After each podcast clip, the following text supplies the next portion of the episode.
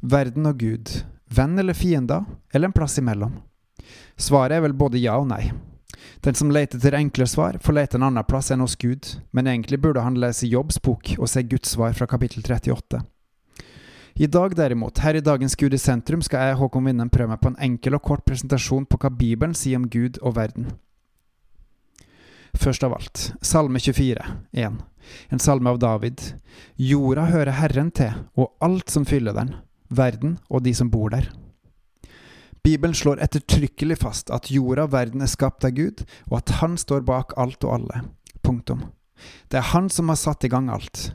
Tror du ikke på det, tror du ikke på Gud men en annen gud. Til enhver tid er det mennesker som ikke tror på det heller, men likevel er det sånn. Det slår Guds forfattere i både GT og NT fast, også vitnene. Og i Johannes 3,16 vitner Jesus om at Gud elska verden så høyt at han ga sin eneste sønn, Jesus, som sona for for hver synder som tror, sånn at vi synderne kan få tilgivelsen og omvendelsen og få evig liv, det å kjenne Han. Tenk, at vi, de skapte, skal få kjenne Gud, Han som har skapt alt her på jorda. Hvilken mektig og gapeelskende Gud vi har.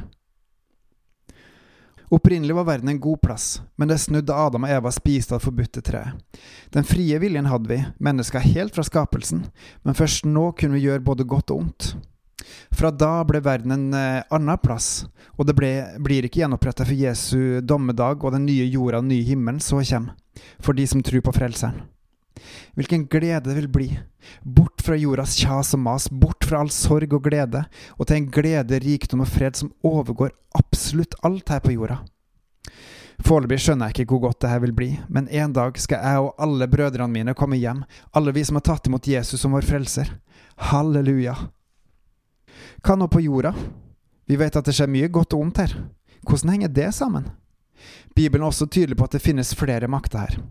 En er åpenbar, at vi mennesker har makt, en begrensa makt, på lik linje med en begrensa valgfrihet. Rom, materie og tida kan vi jo ikke gjøre noe med. Heller ikke kan vi gjøre noe med åndsmaktene. Der har vi det gode og onde, her på jorda. En ungdom spurte meg her om dagen om jeg trodde på spøkelser. Å svare ja eller nei på sånne spørsmål går ikke. Men Gud er tydelig på at det finnes onde ånder, ja, og at de kan åpenbare seg for mennesker og også få makt over mennesker.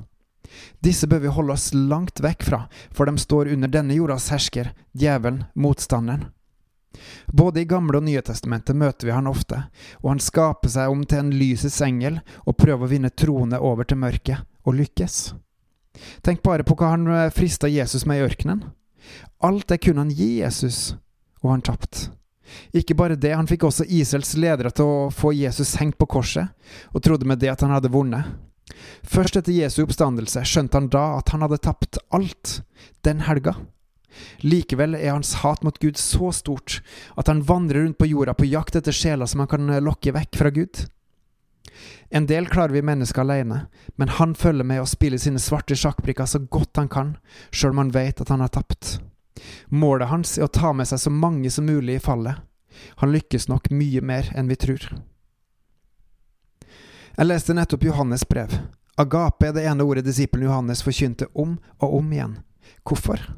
Jo, fordi Gud er kjærlighet. Kjærligheten er ikke Gud, sånn som en biskop sa i et britisk kongelig bryllup for litt siden, men Gud er Gud, og Han er kjærlighet. Ikke sånn at vi elsker Han, derfor elsker Han oss. Nei, vi elsker, for Han elsker oss først.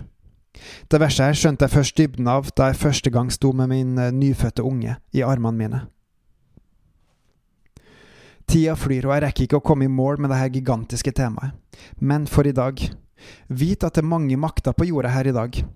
Hvem følger du? Hvem stoler du på? Bare én er god, og det er Gud. Hør han, følg han. Det gjorde David. Gjør du? Bebels og på gjenhør.